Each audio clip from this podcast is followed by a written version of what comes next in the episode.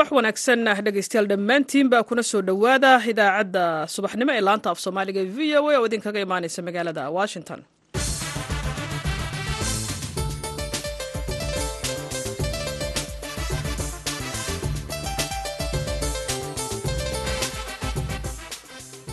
Waa subax sabti ah afarta bisha maarso ee sanadka waxaad naga dhagaysanaysaan mawjadaha gaagaaban ee iyo tobanka iyo sagaaliyo tobanka mitrban iyo efemyada geeska afrika caalamka oo dhanna waxaad nagala socotaan v o a somaly com. Saacadda afrikada bari waa lixda iyo barka haroornimo idaacaddana waxaa saaka idinla socodsiinaya aniga oo ah caashe ibraahim aadan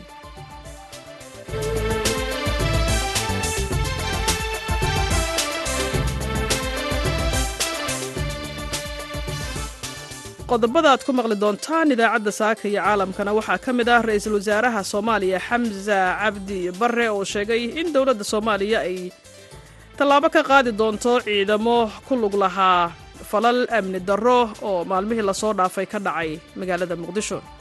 Maalmahan magaaladeennan caasimadda ah culaysaha ka jiray. Dilal fara badan baa dhacay. Dad baa la laynayaa mushkilaad baa dhacday isku hor imaadyo iyo isku dhacyo dhibaataa dhacday waxaan aan rabnaa in markay mushkilad dhacdo waxaa u habboon inaan ka hadallo horta maxaa keenay mushkiladda waxaa sidoo kale aad maqli doontaan madaxweynaha dalka faransiiska oo qiray in faragelintii faransiiska ee afrika ay dhammaatay iskuullada gaarka loo leeyahay ku soo badanaya xeryaha qaxootiga ee dhadhaab iyo qodobo kale ayaan idiin haynaa balse marka hore waxaad ku soo dhowaataan warka caalamka oo aan idiin akhriyo.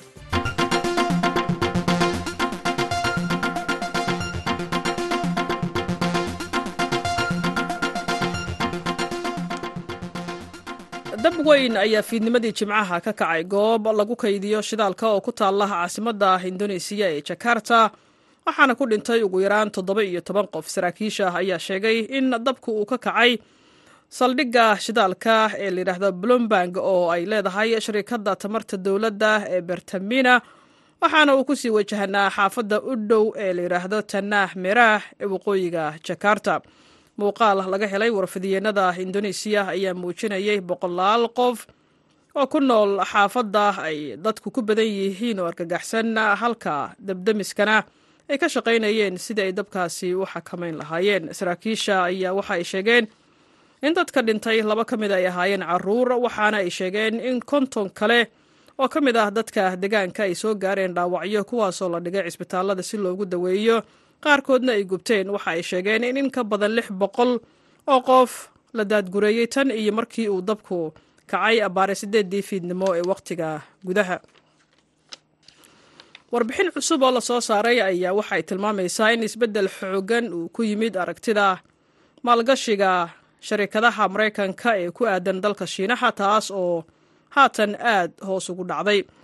Sharikadaha maraykanka ayaa shan iyo labaatankii sannadood ee la soo dhaafay waxa u arkayeen in dalka shiinaha uu kaalmaha ugu horreeya kaga jiro meelaha muhiimka ah ee ay maalgashadaan sharikadaha maraykanka.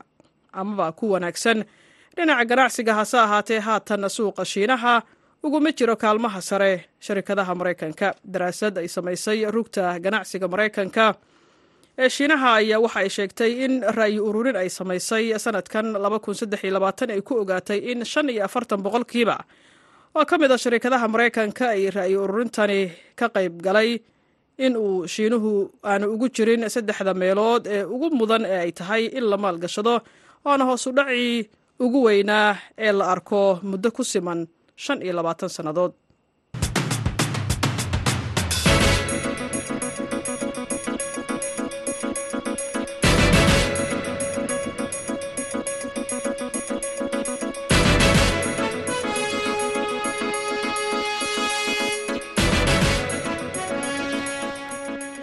subax wanaagsan ayaan mar kale hawada idinka leenahay. Meel kastoo aad naga maqlaysaan aan ku horeynay ra'iisul wasaaraha soomaaliya xamsa cabdi bare ayaa ka hadlay dilal iyo iska hor imaadyo ay dad ku dhinteen oo maalmihii la soo dhaafay ka dhacay gudaha magaalada muqdisho.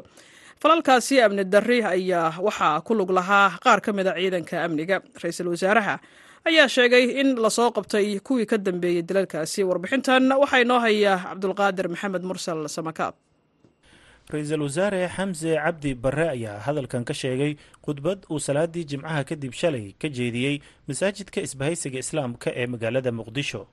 Wuxuu qiray dhibaatadii dhacday ee rayidka loo geystay gaar ahaan dhallinyarada kaxaysa mootobajaajta maalmahan magaaladeennan caasimadda ah culaysaha ka jiray. Dilal fara badan baa dhacay. Dad baa la laynayaa. Mushkilaad baa dhacday. Isku hor imaadyo iyo isku dhacyo dhibaataa dhacday waxaan aan rabnaa in markay mushkilad dhacdo waxaa u habboon inaan ka hadallo horta maxaa keenay mushkiladda kadibna aan xalkii ku dhaqaaqno. Waxaa ugu daran ee maalmahan taagani waa mootobajaajta oo dhallinyaro badan la dilay oo ciidan ama askari dowladeed uu dilay. Mushkiladda ugu weyn ee maalmahan taagnaa taasay ahayd ra'iisul wasaaraha ayaa sidoo kale wax laga xumaado ku tilmaamay iskahorimaad ay ku lug lahaayeen. Ciidamo ka wada tirsan dowladda soomaaliya oo dhowaan ka dhacay isgoyska siinaay ee magaalada muqdisho. Wuxuu sheegay in la soo qabtay ciidamadii ka dambeeyey shaqaaqadaasi lana horkeeni doono cadaaladda. Marka laga reebo isku dhacyo ka sii daran taas runtii oo wax laga xumaado ah oo isgoyska siinaay ka dhacday oo dowladda ciidankeeda ka dhacday oo runtii ku dhacday dowladda ciidankeeda iyo maamulkeeda haddana ku dhacday dad shacaba oo soomaaliyeedna dhibaato weyn ka soo gaartay.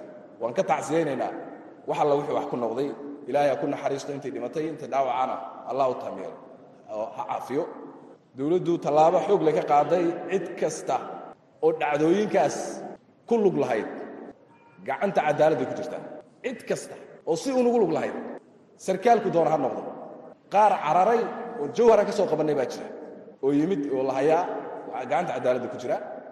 Intii kale cid kasta oo wax samaysay gacantay ku jiraan. Si calana oo dadkao dhan wada arkayaan oo cadaalad ah oo life ah ayaa maxkamad loo saaraya.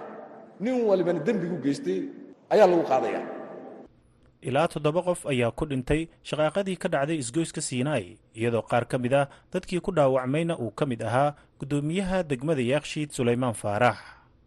Xamse cabdi barre ayaa sheegay in askarta balwadda leh ee jooga baraha koontaroolada ay halis ku yihiin amniga dadweynaha. Wuxuu ballan qaaday in dowladda aysan mar dambe u oggolaan doonin in muwaadiniinta uu baaro askari daroogaysan. Checkpointyada jira ciidamada jooga waa dadaalaan laakiin markaan annagu dib u daraasaynay waxaanu aragnay inay lagaa maarmaan tahay inaan wax ka beddelno waa askari qayilsan oo indhaha taagaya oo drag soo isticmaalay aan miyirba qabin. Dee dad shacabah inuu baaro inuu ilaaliyo inuu checkpointigii dadka kula tacaamulaayo waxay noqonaysaa halistiio qayb ka mida weeye marka dhinaca dawladda askarteeda waxbaan ka qabanaynaa. Ballanku waxaa weeye hal askari oo balwad leh inuusan checkpoint taagnaan. Maalmo inay qaadato way dhici kartaa. De waxaaba laga yaabaa in xulitaanka dadka noocaas maanta dhallinyaradeenna inay u baahan tahay in si weyn loo soo xulo laakiin ballanku waxaa weeye askari qaad cuna sigaar cabba wax ka daran sameeya. Shacabka soomaaliyeed uusan checkpoint isu istaagin. Taas waxaa waaye waa go'aan.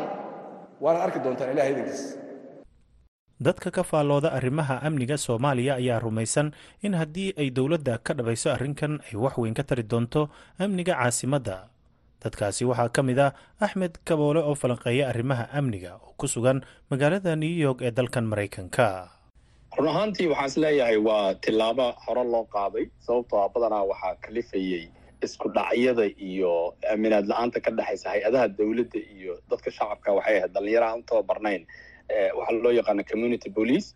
Marka waxaa imaanaysaa in ciidamo aan drugis lahayn oo waxaa yaraanaysa laaluushkao kale waa yaraanaya sababtoa dhallinyarada muqaadaraadka cuntaa badanaa markay muqaadaraadka u gembiyo waxay isku dayayaan inay dadka shacabka ah ka qaadaan oo baabuurta iyo dhibaan. Marka waxaa moodaa in ay abuurayso is-aaminaad ka dhexaysa communityga ama dadka xaafadaha degan iyo ciidamada booliiska waxaa qurxoonaanaya sawirka ciidan ayaa qurxoonaanaya waxaa qurxoonaanaya in xataa dhallinyarada iskuullada aada ama wax baratay ay ku dhiiradaan inay ka mid noqdaan ciidamada ay ka mid noqdaan ama booliiska. Waxaa waxay sharaf u tahay ama samacad u tahay runtii booliiska guud ahaan. Marka waa waa tillaabo hore loo qaaday ayaan is leenahay. Haddii focuska la saarana waa meel dadku ay si positive u soo dhaweynayaan waxaynan caawinaad ka siinaysaa in tilaabo kaleeto oo wanaagsan oo amniga maaragtay wax inay noqon doonto haddii aan laydmo in kasta oo muqdisho ay horumar muuqda ka samaysay qaybo ka mida kaabayaasha dhaqaalaha. Haddana weli waxaa calaamad su'aal ay saaran tahay dhinaca amniga. Waana tan dad badan ay tusaale ugu soo qaataan halkudhigga caanka noqday soddonkii sano ee la soo dhaafay ee ah muqdisho oo nabad noqotaa waa soomaaliya oo nabad noqotay. Aad ayaad u mahadsan tahay cabdulqaadir maxamed mursal samakaab ayaa warbixintaasi nala soo codsiinaya halkaad kala socoteenna waa tabintayada saaka iyo caalamka ee laanta af soomaaliga v o a oo si toosa idinkaga imaaneysa magaalada washington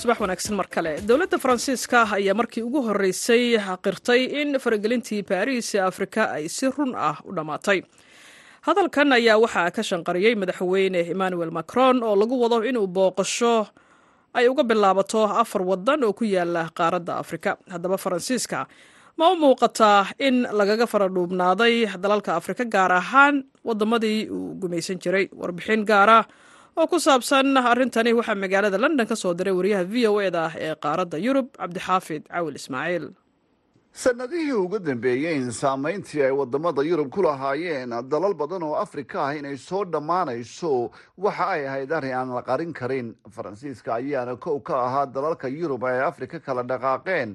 Dhinaca kale marka la eego gumaystihii reer yurub faransiiska waxaa loo diiwaan geliyey oo ay aaminsan yihiin dad badani inuu ka mid ahaa waddamada yurub ee dhibaatooyinka ka dhanka ah bani aadnimada ee ugu badan kula kacay dadkii uu gumaysan jiray xeeldheerayaasha ka faallooda arrimahan ayaa sheegay inaan loo baahnayn in meel fog la geeyo. Algeria iyo dalalka makhrib ayaana markhaati ku filan. Taariikhyahanada reer algeria waxay sheegeen in dagaalkii dhex maray iyaga iyo faransiiska ay ku dhinteen dad lagu qiyaasayo saddex boqol oo kun ilaa iyo shan boqol oo kun oo qof. Si dhab ah arrinkanse looma xaqiijin karo nacaybka faransiiska ayaa sare u kacay qaar ka mid ah dalalkii uu hore u gumaysan jiray ee afrika sidoo kale iyada oo qaaradda afrika ay noqotay goob dagaal diblomaasiyadeed dib uga soo cusboonaaday. Saameynta ruushka shiinaha iyo weliba turkiyey ayaa maalinba maalinta ka dambeysa sii badanaysa madaxweynaha faransiiska oo ka qaybgelaya shir lagaga wada xaajoonayo biyaadda oo ka qabsoomaya dalka gabon ee galbeedka afrika ayaa sheegay inaanay baariis niyadu ahayn in ay ku noqoto siyaasadeedii hore ee faragelinta waddamada afrika. Waa sida uu yidhi laakiin xeeldheerayaasha arrimahan ka faallooda ayaa sheegay in yurub lagaga itaal roonaaday afrika. Sidaasina waxaa qaba maxamed xasan dable oo ah falanqeeyo degan magaalada leicester ee dalkan britain. Cabdi xaafid dowladaha yurubiyaanka ah ama dowladaha yurub waa lagaga itaal roonaaday mandiqada africa sidaan ogsoonahay faransiiska oo gumaysan jiray horey u soo gumaystay dowladda waqooyiga africa dhaco iyo qaar dhaco galbeedka africaba kacdoon ka dhan ah ayaa ka jira gaar ahaan afrikada galbeed. Laba dal oo kamida inqilaab military baa ka dhacay sanadii aan soo dhaafnay labada kun iyo laba iyo labaatanka. Mali oo militariga ay la wareegeen iyo burkina faso. Mali weliba way ka saartay dalkeeda joogitaankii ciidamadii faransiiska iyadoo ku bedelatay kooxaha caloosho shaqeystayaalka ah ee ka soo jeeda dalka ruushka ee loo yaqaano wagner. Halkaa waxay kutuseysaa in africa ay u janjeersatay xagga iyo shiinaha iyo ruushka. Shiinaha iyo ruushka inta badan kuma xiraan shuruudo mashaariicda ay ka fulinayaan maalgashiga ee dalalka afrikaanka ah taasay kaga duwan yihiin dowladaha africa waxaad moodaa africa inay taas aada u soo dhaweynayaan waxaa kaloo jirtaa in madaxweynaha faransiiska hadda uu ciyaarta fahmay oo uu doonayo in xiriir hor le uu la yeesho qaaradda africa joogitaankii militarina wuu dhimayaa siduu sheegay waxaa kaloo u ballan qaaday in iskaashi iyo waxwada lahaansho xataa difaac ahaan inay noqoto mid ay iska kaashanayaan goobihii militarigana uu u bedeli doono meelo tababaro ah. Madaxweyne macron oo ku sugan caasimada liberia oo la hadlayay jaaliyadda faransiiska ee ku nool magaaladaasi ayaa waxa kale oo uu sheegay in xilligii faraanka afrika uu si dhab ah u dhammaaday haddaba waa maxay sababaha ugu waaweyn ee afrika uga caro gedisatay faransiiska iyo guud ahaanba reer galbeedka? Maxayse kaga doorbideen dalalka ay ka midka yihiin shiinaha ruushka iyo turkiyey? Waa kan mar kale maxamed. Cabdi xafid sida hadda muuqato lama oran karo toos buu uga carigedisanayaa faransiiska qaaradda africa wuxuu bedelayaa ciyaarta iyo dheeshuu bedelayaa. Wuxuu rabaa in uu dib u kasbado dowladaha afrikaanka ah kalsoonina ka abuurto garan mayno sida ay arinkaasi ugu hagaagi doonto. Dhanka kale wuxuu cadeeyey madaxweynaha hadalkiisii macron khudbadii dheereeda uu ka jeediyey madaxtooyada paris. Wuxuu ku sheegay in uu tartan adag inuu la galo uu doonayo ruushka shiinaha iyo turkiya oo ay runtii afrikaanka aada isugu soo dhawaadeen midda kale dagaal baa socdaa dagaalka wuxuu ka socdaa ukraine bari iyo galbeed baana ku hardamayaa. Marka ammaanka yurub oo khatar ku jira aaweed waxaad moodaa dhanka kale tactic ahaan in militarigii iyo culayska xaggaa jiray uu rabo inuu xaggan ku xoojiyo oo dalkiisa uu ku difaaco. Ta kale waxaa jira arrimo gudaha faransiiska oo dhaqaale xumo u jirto dadka oo ka cabanayo in mataqaanaay macnaha qorshaha militariga lagu maalgelinayo uu ka badan yahay wixii dadka la gelin lahaa ama lagu dhaqaaleyn lahaa. Taas darteed ayaa kalifaysa in uu ka soo gedisto muxuu ahay africa waa la dhihi karaa iyadana madaxweyne macron ayaa toddobaadkan waxa kale oo uu sheegay in askarta faransiiska ee ku sugan afrika ay dowladiisu dhimi doonto bilaha soo socda. Faransiisku waxa uu ciidamadiisa kala baxay waddamada burkina faso iyo jamhuuriyadda dhexe ee afrika.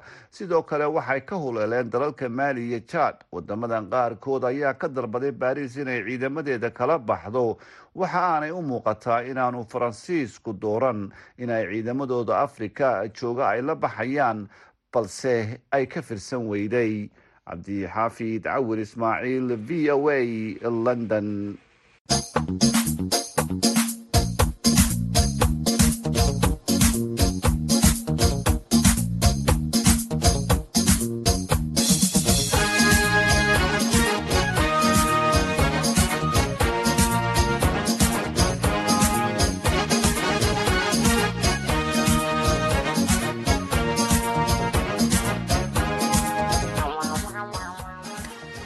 mar kale ayaan subax wanaagsan. Hawada idinka leenahay meel kasta oo aad naga maqlaysaan. Xeryaha qaxootiga ee dhadhaab waxaa ku soo badanaya dugsiyada hoose iyo kuwa dhexe iyo weliba kuwa sare ee gaarka loo leeyahay. Iskuulladan ayaa ka sokow inay kor u qaadaan waxbarashada da'yarta.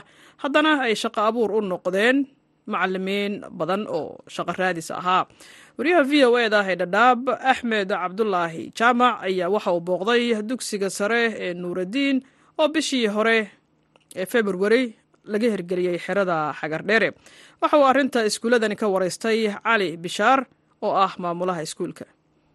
Iskuulle fara badana ka furan xeryaha qaxootiga ha furnaadeene inta dhammaan waa goobo waxbarasho oo ilmaha loogu talagalay inay wax ku bartaan oo isticmaalaya silibaska ama manhajka kenya ku waxbarto imtixaanaadka qaranka sameeya rajiskaraysan oo dowladda u rajiskaraysan. Marka xaggaa waa ka wada simannahay baahida keentay inaan furno iskuulkaas saro. Waxaa kow ka ah anagoo iskuulka wuxuu lahaa iskuul primary ah oo dugsi hoose iyo dugsi dhexe ah. Waxaa ka soo magaasaya ilmo aada u tiro badan oo qariibu konton lixdan canug sanad walba ka soo baasaya marka ilmaha soo baasaya inay aan u soo dhaweyno meel u dhow oo ay wax ka bartaan oo isla manhajka iyo maamulka asaga ahaa inay ka faa'iidaystaan. Baahida horta nagu dhalisay inaan furno secondary taawe tan labaad iskuulka de meesha kan brimariga agtiisa ku yaalaa meel wuxuu ku yaalaa central oo strateegi ah oo suuqa iyo baloogyada intooda badan iyo iskuulkaba u dhow brimariga u dhow. Si marka ilmaha meelaha fog fog ka imaanaya ayna waqti badan aga lumin baan u soo dhaweynay mar. Muxuu kaga duwan yahay iskuulka nuuridiin high school iskuulaadkii hore oo noociisa ahaa oo ay gaarka u lahaayeen dadka dhalinyarada soomaalida ah ee xerada? Waxaan is leeyahay waxyaalaha kaga duwan tihiin xagga quality-ga tayada waa baran tahay moogtahay quantity quality wax la yaraha jiro tayada iyo mataqaanaa tirada. Meel walba in iskuol laga furo way dhacdaa laakiin annagu waxaan leenahay inaan xagga quality-gan xoogga saarnay tayada inaan tayayno oo tayada waxay ku imaanaysaa macalimiin tababaran oo wasaaradda waxbarashada ay soo tarin garaysay dowladda kenya t s c number hayse inaan soo hayaa garayno oo aqoon sare u leh waxa ay barayaan tacliinta ilmaha siinayaan iyo manhajka intaba inaan soo soo shaqaaleyno runtii waana soo shaqaaleynay mar haddii la helo macalimiin tayaysan oo xirfadooda macalinimo ee aada u sarreyso haddii taya maamulkana uu wanaagsan yahay oo dabagalka iyo shaqada si fiican inay u socoto waxyaalahaas waxaan leeyahay marka tayadaas waa kaga duwannahay inaan waxaa laga yaaba iskuullada.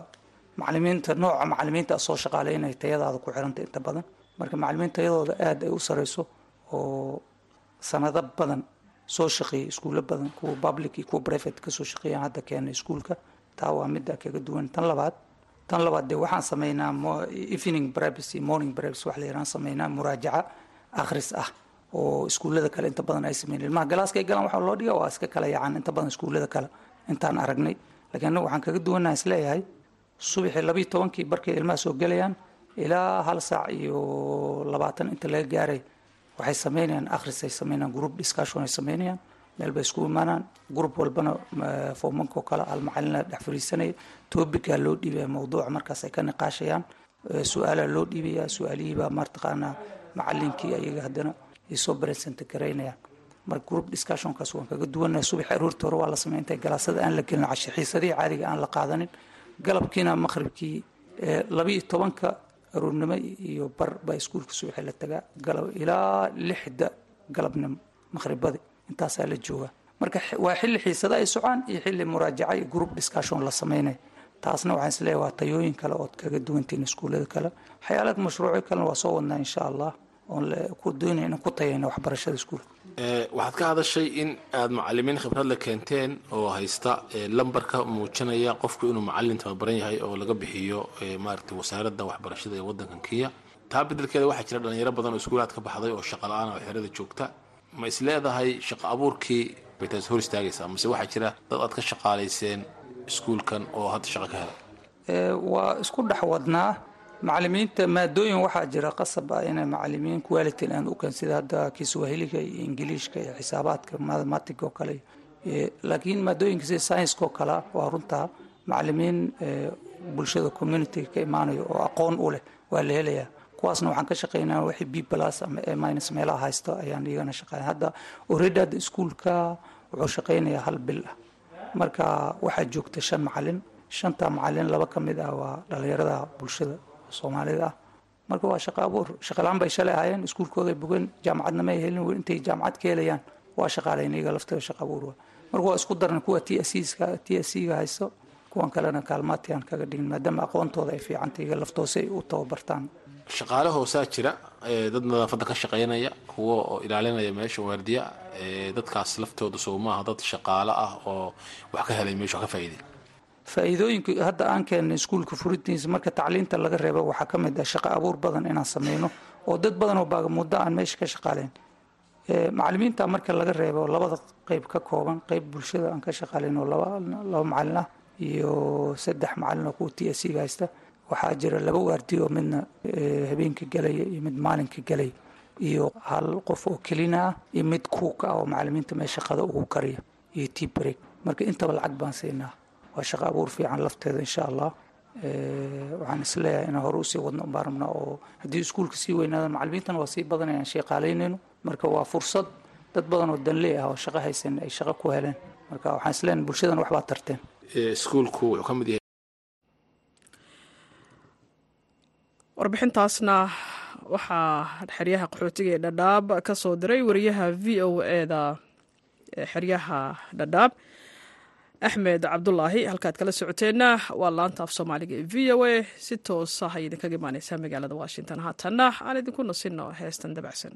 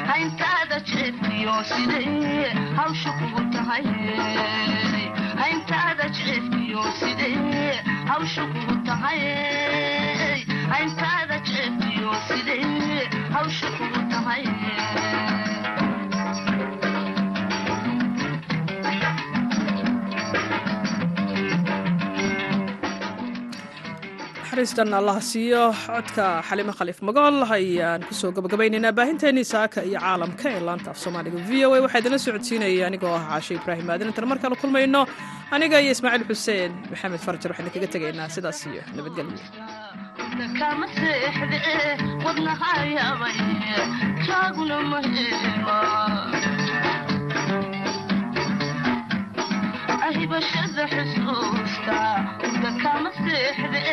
wadnahayhabayne taaguna maheba